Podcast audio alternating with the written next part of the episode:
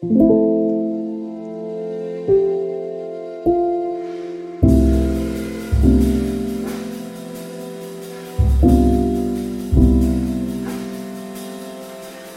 det att prata om allt? Är det till och med nödvändigt?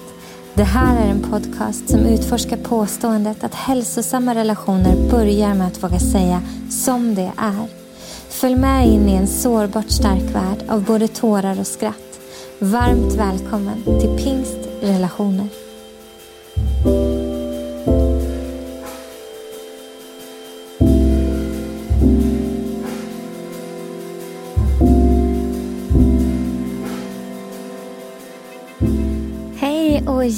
Jättemycket varmt välkomna tillbaka till Pingstrelationer-podden. Så roligt att du fortfarande är med. Eller så roligt att du har hittat hit. Eller så roligt att du har valt att komma tillbaks. Det är så fint att få all respons, alla meddelanden och mejl som ni skickar. Det är så roligt och jag läser alltihopa och försöker svara på alltihopa också. Jag får in respons att det är väldigt viktigt med den här serien som vi nu har startat, om, eh, startat upp kring psykisk ohälsa. Och jag har eh, tänkt till lite kring den och funderat på om den inte ska få bli bredare. Den ska få täcka in psykisk ohälsa, emotionell hälsa, eh, existentiell hälsa, empati och medmänsklighet. Så idag kommer jag försöka fokusera kring tankar, känslor, handlingar, tankeprocesser och vad säger Bibeln om det här och vad finns det för faktorer i gemenskap som är läkande när det kommer till de här bitarna. Och precis som i alla andra avsnitt så försöker jag att skapa ett vi och inte ett vi och dem utan pratar allmänmänskligt och med verktyg som ska kunna hjälpa oss att förstå oss själva bättre och varandra bättre.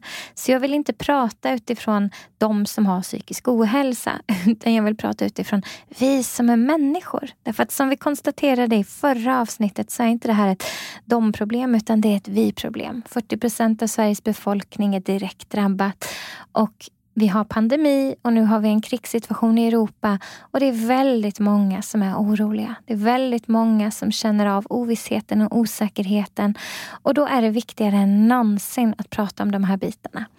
Eh, därför att jag tror att när vi får verktyg och vokabulär och när vi får tag på ett språk som hjälper oss att kunna prata om det, då går det också att börja hantera det. Eh, så länge det ligger i det undermedvetna och vi inte tar upp det till ytan så tror vi ibland att vi är ensamma om att kämpa. Men det är vi inte. Utan du är inte ensam. Du är i gott sällskap med oss alla andra som är människor. Som behöver lära oss att förhålla oss till livets smärta och förlust. Och ibland så krävs det väldigt mycket inblandning av andra och terapi och serotoninförhöjande preparat. Och det kan behövas eh, sjukvårdens hjälp och det kan behövas själavården och det kan behövas eh, en lång tid av att gå och lära sig att eh, hantera trauma och kriser och vad som har uppstått i livet. Men jag tror också att det finns vissa verktyg. Och eftersom jag inte är klinisk psykolog så är det de verktygen som jag får på något sätt tala utifrån. Verktyg som handlar om tankar, känslor och handlingar, empati och medmänsklighet som kan hjälpa. Som kan bli en pusselbit och det är där jag ska lägga fokus idag. Men precis som i alla de andra avsnitten i den här podcasten så handlar det om och syftar det till att förstå sig själv och förstå andra bättre. Att våra relationer blir så mycket friskare, sundare, hälsosammare när vi kan se allmänmänskligheten, det som förenar oss istället för att se det som polariserar och kategoriserar och skapar dualism i vårt förhållningssätt till varandra. Och därför så kan du applicera det här alldeles oberoende av om du själv är direkt drabbad av psykisk ohälsa eller inte. För du är ju drabbad av att vara människa, så det här gäller dig. Jag har nämnt det tidigare i podcasten men jag vill ändå nämna det nu. Vi människor tänker 50 till 65 000 ord, meningar, tankar varje dag. Det är väldigt, väldigt många. Och de ord, tankar och meningar som vi eh, tänker, som, som formas inom oss, skapar någonting i vår inre värld. Därför att våra tankar de styr våra känslor och våra känslor de styr våra handlingar. Alltså orden som vi tar in, de styr hur vi upplever saker och hur vi upplever saker driver oss till att agera kring olika områden. Och när det är så många tankar, 50 till 65 000, då kan det vara värt att notera att cirka 70 procent av dem är helt undermedvetna, alltså sker utan att vi vet om det. Så det allra mesta som vi tänker är vi inte medvetna om att vi tänker. Och Då kan man tänka på hjärnan lite grann som med andra saker som vi har pratat om som automatiseras. Att vi har de här kartorna som målas upp som ger oss någon slags eh, förståelse av vår omvärld som lär oss hur vi ska förhålla oss och tänka och agera kring relationer, kring ekonomi, kring ledarskap, kring vad det nu är. Det har vi pratat om i tidigare avsnitt. Det är på samma sätt med det här. Att hjärnan vill hitta snabba och enkla och effektiva slutsatser för att kunna automatisera. För att det inte ska krävas en sån ändlös mängd energi och medvetenhet för att kunna hantera allting. Ett enkelt exempel det är när barn växer upp och de lär sig att föra föremål till sin mun. Den här öga-handkoordinationen, att lära sig att lyfta på ett glas och dricka. Det krävs jättemycket för hjärnan att måla upp hur det ska se ut. Koordination och motorik och tankekraft och hur allting ska koppla och synka. Men så fort det har, hjärnan har lärt sig det och, och, man har lärt sig det, då läggs det i det här, nu är det automatiserat. Nu tänker jag inte så mycket, jag som 35-årig vuxen person tänker inte så ofta på hur jag gör för att föra glaset till munnen när jag ska dricka vatten. Samma sak med tandborstning. Till en början så krävs det koordination och motorik och ett aktivt tänkande när barn borstar tänderna. Och de kan inte liksom prata samtidigt som de gör det eller sjunga samtidigt för att de, då slutar de borsta och så börjar de göra det andra. Men nu har jag en åttaåring och en tioåring och de kan både sjunga och stå på händer och borsta tänderna samtidigt nästan. För att hjärnan har automatiserat det och de vet hur de gör. Det är på samma sätt med våran tankevärld. Att hjärnan plockar upp ord och meningar och tankar, tusen tusentals stycken och väljer att placera det i olika kategorier och skapar som motorvägar, neurologiska strukturer i hjärnan där den kommer till olika slutsatser.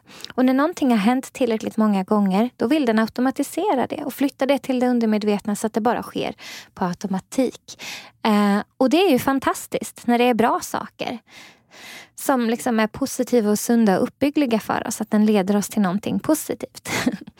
Eh, men det är mindre bra när slutsatserna på grund av erfarenheter och upplevelser och värderingar och eh, trosystem som har byggts upp i vår inre värld när vi är små och så vidare och så vidare och så vidare. Trauman och kriser leder till destruktiva och negativa tankebyggnader. Och när de har tänkts och, och upplevts tillräckligt många gånger har de också blivit automatiserade. Det är nämligen så att 90 till 95 procent av de tankarna som vi upprepar snurrar på repeat. Gång på gång på gång på gång på gång på gång. Så 70 procent av det vi tänker är undermedvetet och 90 till 95 procent av det går på repeat. Och så är det så att de allra flesta tankarna, majoriteten av det vi tänker, är negativt.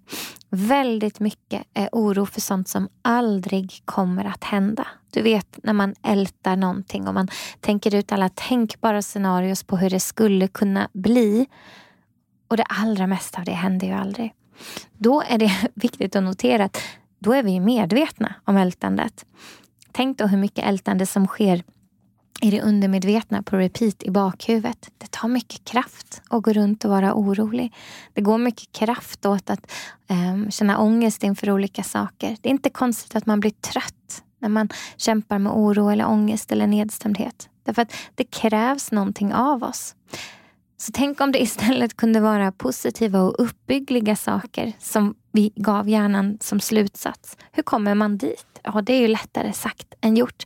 Men ett första steg är att förstå att tankarna de formas av ord.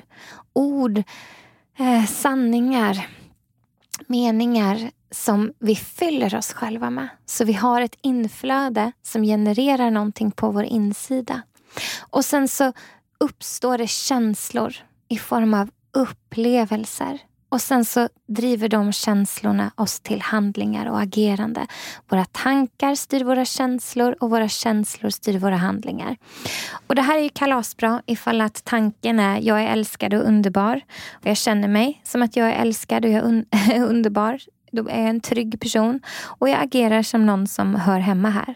Men vad händer när det som i mitt fall är Eh, jag led av psykisk ohälsa och levde med det i många, många, många år. Och jag hade en självbild som inte var driven av kärlek och som inte utgick ifrån tanken att jag var älskad och underbar. Utan många av de tankebyggnaderna som hade byggts upp inom mig på grund av erfarenheter i min ryggsäck och kartor som hade målats snett och um, trauman och erfarenheter som hade skapat någonting i min inre värld som ledde mig till slutsatser som var någonting annat. Där hade jag tankebyggnader som ledde mig till slutsatsen de kommer aldrig älska dig på riktigt. Om du tar för mycket plats så kommer de att lämna dig. Du är ful, fet och äcklig. Det var vanliga slutsatser som min hjärna hade automatiserat mina tankar till att gå till. Och det är ju inget kul. Därför då följer ju känslor som är precis det. Jag hör inte hemma här. Jag har ingen plats här om de såg mig på riktigt, om jag tog plats så skulle de inte kunna hantera det. De skulle inte älska mig. De skulle inte ge mig det utrymmet som eh, jag behöver för att må bra. Och då agerar jag som någon som inte är värd att ta plats. Det är väldigt intressant när man pratar med människor som på riktigt har levt med psykisk ohälsa eller lever med psykisk ohälsa. Många säger precis det.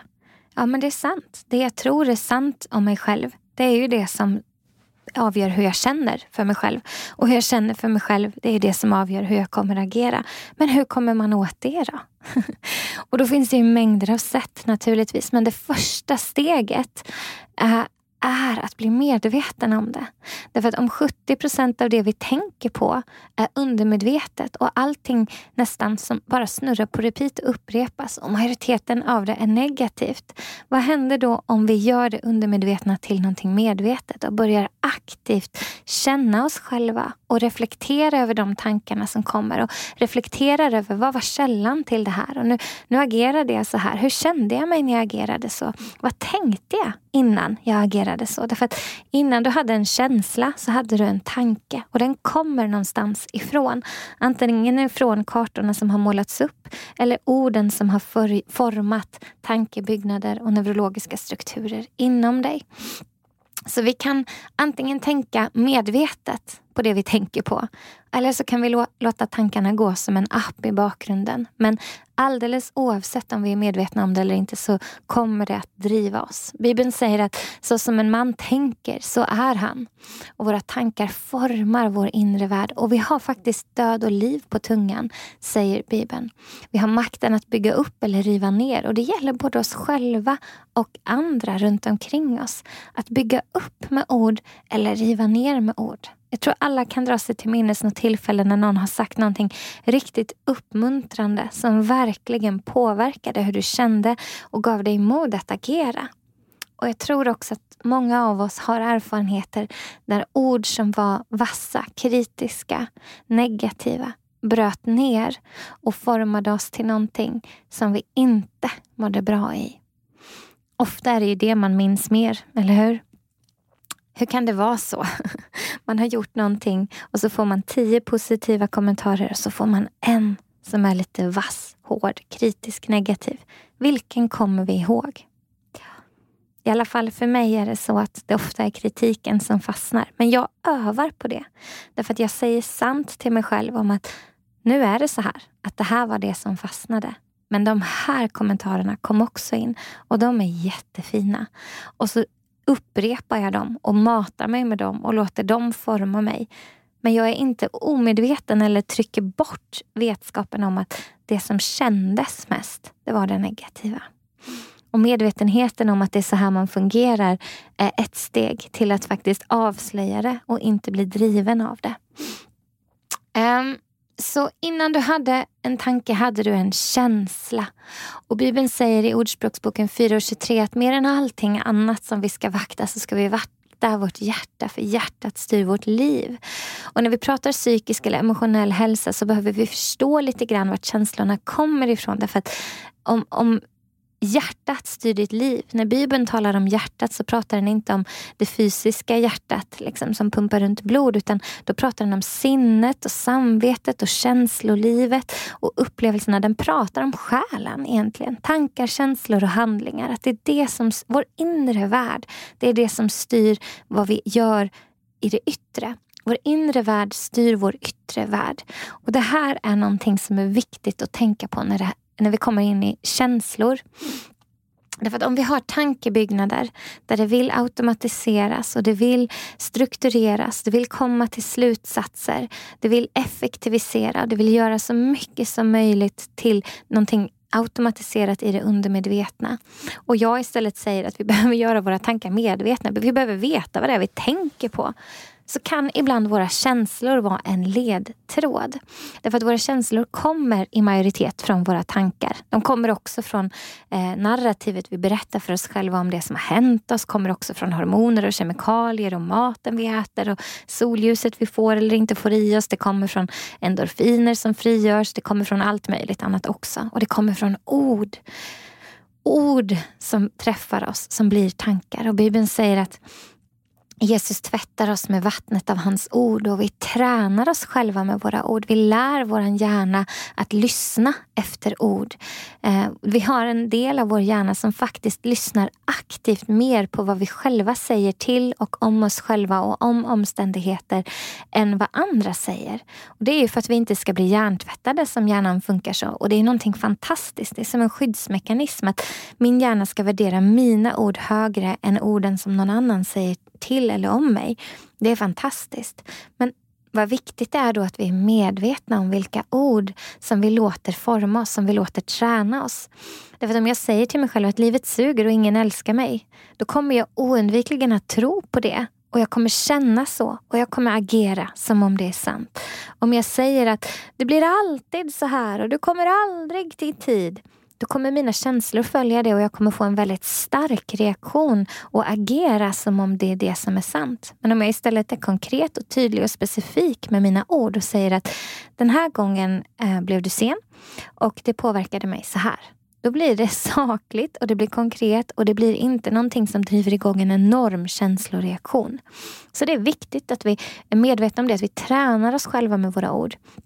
Och Jesus tvättar oss med vattnet av hans ord och att vi lever i sanningen om vad han säger om oss. Att vi inte lever så mycket i um, i det här svajiga som kan förändras hela tiden. När människor berättar någonting om oss, då kan ju deras åsikt om oss ändras ganska lätt. Människor kan ju tycka om oss ena dagen och inte tycka om oss andra dagen. Människor kan säga gott om oss ena stunden och tala ont om oss bakom vår rygg. Men Jesus talar alltid gott om oss. Hans ord är alltid för oss. Hans sanning är alltid att vi är älskade och orubbligt placerade i hans liv, i hans kärlek, i hans frihet. Och det är någonting fantastiskt att komma ihåg. Så du är inte hur du känner dig, kanske man kan säga. Du kan känna dig på ett annat sätt än det som är sant om vem du är. Känslor är usla ledare men de är fantastiska vägvisare. Och En bild som hjälper mig mycket när jag pratar om det här med känslor, det är att känslor är lite grann som barn i bilen. Om bilen eh, och, och, och, bilresan är liksom färden av ett liv att leva, så är barnen i bilen känslorna. Du är på väg någonstans, du behöver parera andra trafikanter, du behöver vara medveten om väderförhållandena och omständigheter runt omkring. Eh, och du kan liksom inte bara köra på med din bil. Och barnen i bilen, de kommer att påverka hur resan går. Så barnen kan inte placeras i bagageluckan och stängas igen. Ehm, dels så skulle de dö och det är totalt olagligt att göra så. Det skulle bli väldigt farligt. Men också så skulle du som förare inte vara medveten om när barnen i bilen, alltså känslorna, kommunicerar ett behov, en upplevelse, någonting som händer, någonting som de behöver. Utan om de ligger där i bagageluckan och du försöker stänga av dem det går inte, för de kommer likväl påverka dig. kommer kissa ner bagageluckan och kommer skapa oreda där inne och börja banka och skrika. Och känslor som vi försöker begrava levande, de dör aldrig. Det går inte att agera så med vårt känsloliv. Lika absurt som det skulle vara att sätta sina barn i bagageluckan och köra på och tänka att det här löser sig. Därför att hur många föräldrar där ute vet att det är livsviktigt att veta vad barnen säger i bilen. Därför att annars missar man när de säger jag är kissnödig. För när barn säger att de är kissnödiga, då är det redan för sent. Då finns det redan droppar i kalsongerna och trosorna. Och det är liksom redan dags att ha svängt av. Utan barn i bilen de behöver vara placerade tryggt och säkert på en plats i bilen där du ser och du hör och du kan märka av när de börjar skruva sig i sätet. Men de behöver också vara placerade vid ett fönster så att de kan se ut och uppleva regnbågar och lastbilar och Teslor och gula bilar och regn och åskväder.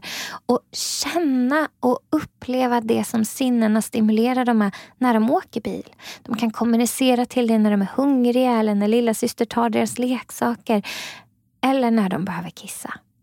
Och du som förare i bilen kan då fatta konstruktiva, planerade beslut baserat på den informationen som barnen ger dig. När barnen börjar säga vi är framme snart, ja men då vet du att det behövs snart en paus för att få springa av sig. Och när barnen då sen sitter och leker och har det kul och skrattar i bilen, då vet du att okej, okay, det här var en välplanerad resa. Men det kan du inte veta om de ligger i bagageluckan. Så känslor är usla ledare men fantastiska vägvisare och vi behöver ge våra känslor i våra liv det rätta utrymmet. Det var innan vi hade en tanke, eller innan vi hade en känsla, så hade vi en tanke. Och känner vi oss frustrerade så kan vi ofta härleda den till att någonting hände inom oss innan. Eller agerar vi frustrerat så kände vi kanske oss trängda och vi kanske tänkte Nej, men jag kommer aldrig kunna ta mig ur det här. Det är kört.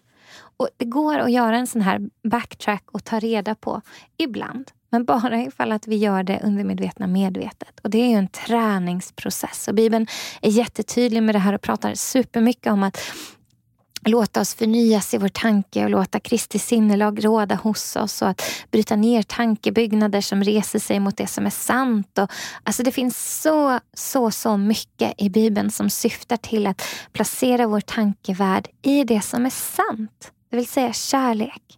Det vill säga Jesus. Det vill säga livet i överflöd, friheten, medmänskligheten, empatin, sanningen, upprättelsen, det goda. Om vi tänker på våra känslor så kan det också vara värt att komma ihåg att känslor är en viktig del av vilka vi är eftersom det också är en del av vem Gud är. Därför att Gud känner starkt och passionerat. Jesus var ofta rörd av medkänsla innan han agerade. Vilket innebär att han tillät sig själv att känna känslor, såg inte ner på känslor och var till och med driven av känslor ibland. Han var både arg och frustrerad och kände sig ensam och var ledsen och kände smärta och förlust och ångest. Han bad sina vänner att vaka tillsammans med honom och be tillsammans med honom. Han uttryckte ett behov av gemenskap. Jesus kände. Han grät med Maria när Lazarus hade dött. Inte bara för att empatin drabbade honom av hennes smärta och förlust utan för att han älskade Lazarus och han sörjde att han hade dött. Och Det här var helt oberoende av att han sen skulle gå in och göra ett mirakel. Han gav känslorna det utrymmet som de behövde ha. Inte bara för att människor gör så, utan för, för, att vår Gud vill visa oss att det är så här det är att vara människa. Vi har tillträde till hela känsloregistret och det är fantastiskt om vi ger känslorna rätt utrymme i våra liv. Låter dem vara vägvisare som signalerar till oss vad som pågår, men inte vara ledare jag tänker också på det här med känslor. Lite grann som den här bilden som vi har haft förut om vårt liv. Om vi tänker på vårt hjärta, hur det är som ett hus med många rum. Så vill Gud ha tillträde till alla rum, tror jag. Att vi inte ska låsa dörrarna till vissa känslor. För vi är skapade lika en Gud som känner starkt. Det var hans kärlek till oss och drivkraften i den som var att han känner starkt för oss som valde att skapa oss. Guds drivkraft är alltid god. Och vi är skapade lika honom, så varför inte börja tänka väl även om våra känslor? Ibland kan vi vilja göra det, men om vi har växt upp och lärt oss att vissa känslor inte är tillåtna eller vi har varit i sammanhang och strukturer där det har setts kanske som en svaghet att känna vissa känslor och vi har börjat döma vissa känslor som mindre bra då kan det vara svårt. Och då kan det vara bra och kanske lite hjälpsamt att tänka att ja, men Guds drivkraft, Guds eh, grund och rot i sitt känsloliv är alltid kärlek. Och vi människor är inte alltid fullständigt medvetna om att vi är älskade och att den som vi är, alltså vår nästa, är älskad. Och därför kan vår drivkraft ibland vara rädsla. Första Johannes 4 talar ju om det, hur perfekt kärlek driver ut rädsla och den som är rädd, vilket jag är ganska ofta, jag var rädd häromdagen, eh, inte ännu har nått kärlekens fullhet. Då kan man se det som kritik, att så här, oh, jag har inte lyckats nå kärlekens fullhet. Eller så kan man se det som, oh, här är ett område där jag är rädd. Det betyder att här är ett område där jag ännu inte har förstått hur älskad jag är. Kom och älska mig här. Jag är rädd. Kom och möt mig med din kärlek här. Eller här är jag driven av den här lögnen som en destruktiv tankevärld har, har eh, matat mig med. Jag tror på lögnen om att jag inte får vara med. Kom och älska mig där. Eller du vet, så kan vi liksom möta mörkret med ljus, lögnen med sanning och rädslan med kärlek. Och så drivs den ut steg för steg. Och såklart, eftersom vi är människor och vi har ätit av kunskapens träd på gott och ont och därför har vi lärt oss att döma, så kan vi döma oss själva och vi kan döma andra. Och vi kan välja att värdera människor och oss själva efter en skala.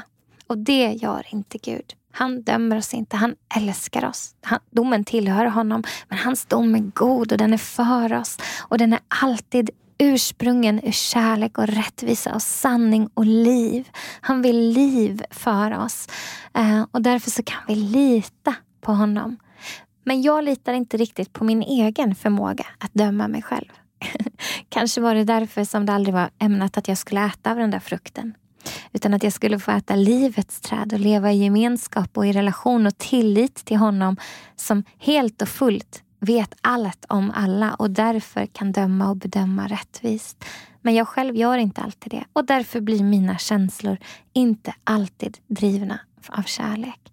Vi människor drivs ibland av kärlek och då visar det sig som någonting fantastiskt. Generositet, vänlighet, empati, medmänsklighet, jämlikhet. Och ibland så är vi drivna av rädsla. Då visar det sig ofta som osäkerhet och ilska, likgiltighet eller i mitt fall kontroll. När jag blir rädd då vill jag kontrollera. Då vill jag göra vad jag kan för att skapa någon slags trygghet. För att jag inte fullt ut litar på att kärleken har mig.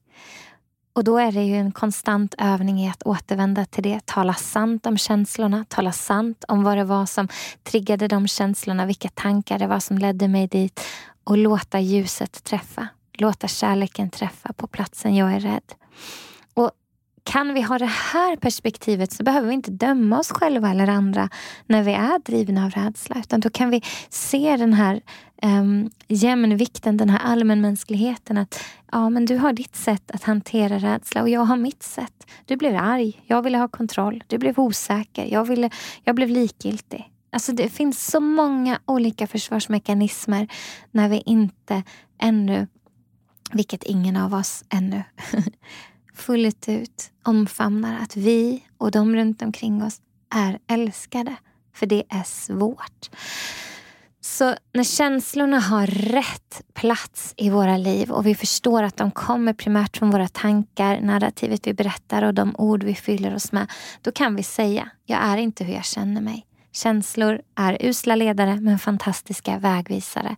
Och innan jag hade en känsla så hade jag en tanke och därför behöver jag vara väldigt mån om vilka tankar, vilka ord, vilka sanningar det är som jag låter forma mig.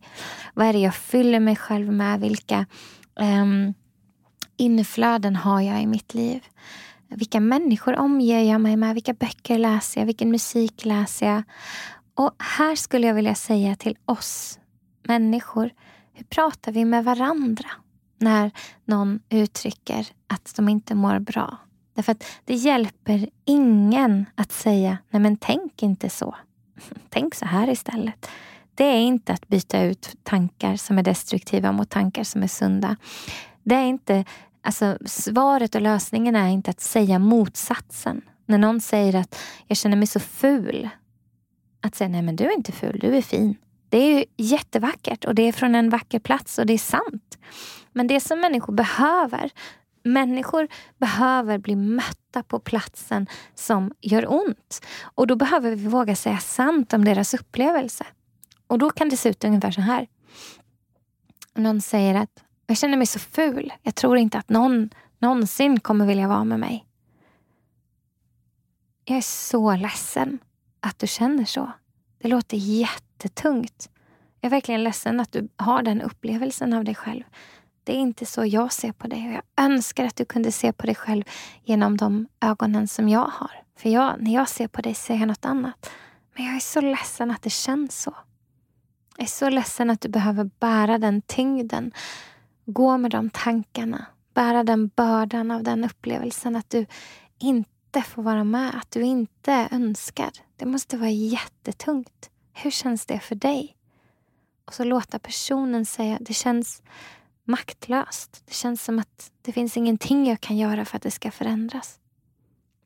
Och ge respons då som kanske, oh, oh, det låter jättetungt. Jag är verkligen ledsen att du upplever det så. Jag är så ledsen att det är den bördan som du går med.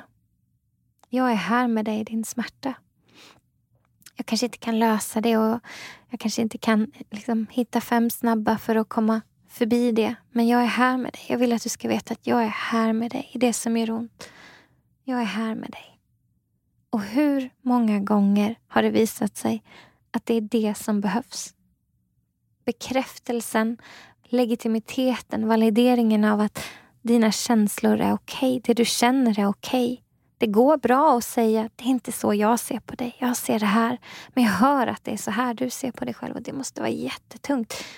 Vi får förmedla hopp och vi får komma in med det här motsatta perspektivet. Men inte på bekostnad av och inte istället för att validera och bekräfta upplevelsen som kommuniceras. Därför att om det går att prata om det så går det att hantera det. Om det går att sätta ord på känslan, hur ful den än är, så går det att hantera och möta den. Det är så mänskligt att känna, att vara rädd, att känna av ovissheten, att känna av ensamheten. Döden till exempel, det är en del av livet. Sorg, smärta och förlust är en del av livet. Men när vi inte vågar sätta ord på det vi känner så tror inte heller våra hjärtan att det är tryggt att hantera det vi känner. Ord har sån makt. Så tänk om vi kunde ge varandra utrymmet att faktiskt få sätta ord på känslorna, på tankarna, på upplevelserna av vår omvärld. Och faktiskt tillåta att det här är så jag känner. Ingen människa har dött av att känna sina känslor. Men det är många som har dött när de har försökt trycka undan sina känslor. Försökt att inte känna det de känner. Så vi hjälper inte varandra genom att sätta blockader kring känslor och inte tillåta vissa känslor eller vissa tankar. Utan det här är vad du känner. Du har tillstånd att känna det. Och jag är så ledsen att det gör så ont. Jag är här med dig i det som gör ont. Tänk om vi skulle försöka att inte lösa och laga varandra så mycket. Utan försöka öva på att finnas där, sitta med varandra i smärtan. Vara tyst. Låta tanken gå hela vägen igenom. Därför att ibland när man får det utrymmet så kommer man faktiskt till en punkt då man har resonerat sig själv fram till någonting som det finns hopp i. Inte alltid. Ibland behöver det bara få vara svart. Och att någon sitter med den då i det som känns svart ger ljus. Därför det finns ingenting som bryter känslan av att vara ensam i separation, i isolering så mycket som att någon annan sätter sig bredvid och säger jag är här med dig i det som gör ont. Därför att, och det här är det viktigaste jag kan trycka på. Empati funkar bara om vi är jämlikar. Det funkar bara ifall att vi ser på varandra som tänkande, kännande människor med erfarenheter i ryggsäcken på gott och ont, med kartor som har målats upp på gott och ont, med drivkrafter som har lett till kärlek eller rädsla på gott och ont. Om vi sitter med varandra och ser att även om jag inte är i den här situationen, även om jag inte har varit i den här liksom, konkreta specifika situationen som du beskriver så kan jag relatera till den smärtan, den ensamheten, den upplevelsen av utanförskap eller vad det nu än är. Och jag möter dig med kärlek där du är ensam. Därför att jag tror att det är alldeles för många som kämpar med psykisk ohälsa som inte vågar dela det. Därför att de det finns någon slags förväntan på att vi delar sen när vi är ute på andra sidan. Sen när vi är hela, sen när vi är fria. Sen när vi har ett före och ett efter. Sen när vi liksom har kunnat berätta att men det här gjorde Gud i mitt liv. Och jag älskar när Gud gör saker i våra liv. Jag älskar helande, upprättelse och befrielse och tror på allt det där. Men ibland så tror jag att det största miraklet av alla är medlidandets mirakel. När vi faktiskt vågar stanna kvar med varandra i det som gör ont. Vågar se mänskligheten i varandra och inte kategoriserar och värderar varandra som mer eller mindre älskade beroende på hur hela vi är. Därför det är det farligaste som finns, tror jag. När vi ser på oss själva eller ser på andra som att det finns en skala av värde beroende på hur hel och fri vi är. Tänk om hela grejen med psykisk ohälsa till och med är en inbjudan. Alltså tänk om det här är ett av sätten som Gud låter allt samverka till gott. Att Tänk om det finns en inbjudan i att sluta definiera varandra och oss själva som mer eller mindre värdefulla beroende på omständigheter. Utan här, mitt i ångesten, mitt i oron, mitt i ensamheten, mitt i utanförskapet, mitt i känslan av hopplöshet så är du älskad. Här, inte bara sen. Inte sen när du är på andra sidan, utan nu. Mitt i ovissheten, mitt i rädslan, mitt i osäkerheten, mitt i tvångsbeteendet, mitt i ätstörningen. Här är du älskad. Därför att korset är den platsen där Jesus kliver ner i vårt absoluta mörker. Det där som vi vill gömma. Det där som vi tycker diskvalificerar oss från gemenskap. Det där som vi har stämplat med, här är jag inte värd. Det här som vi vill städa upp först för att förtjäna där möter han oss med kärlek och säger nej, du är min, jag älskar dig. Du är inkluderad, du är innesluten och du är mitt du är mitt, vad heter det, the apple of my eye. Du är mitt ögas fröjd. Det är dig jag älskar. Tänk om också vi kunde se på varandra så. Att människor inte är en produkt av deras lyckanden, misslyckanden, att de når fram till någonting, något slags påhittat hierarkiskt värdesystem. Utan att vi människor är älskade först och främst för de vi är. Villkorslöst och orubbligt placerade i kärleken själv. Tänk om vi kunde se på oss själva så. Tänk om du kunde se på dig själv så. Och jag får nästan stanna där. Jag är glad att det här får vara en lång serie för det finns så mycket att säga. Men våra tankar, de styr våra känslor. Och våra känslor, de styr våra handlingar. Orden styr våra upplevelser och våra upplevelser styr vår vilja. Hur vi väljer att agera. Det vi tror är sant om oss själva kommer att avgöra hur vi väljer att agera. Och jag vill säga att det som är sant om dig, kära lyssnare, det är att du är älskad för den du är, för den du är, för den du är. Du är älskad och du är placerad i orubblig kärlek. Där hör du hemma, där har du din identitet. Och där finns hoppet att vad som än stormar runt omkring och vad som än stormar inuti så är du trygg i den kärleken som är fullständigt oföränderlig och som alltid är för dig. Och jag är jätteglad att du har lyssnat och jag ser fram emot att mötas snart igen.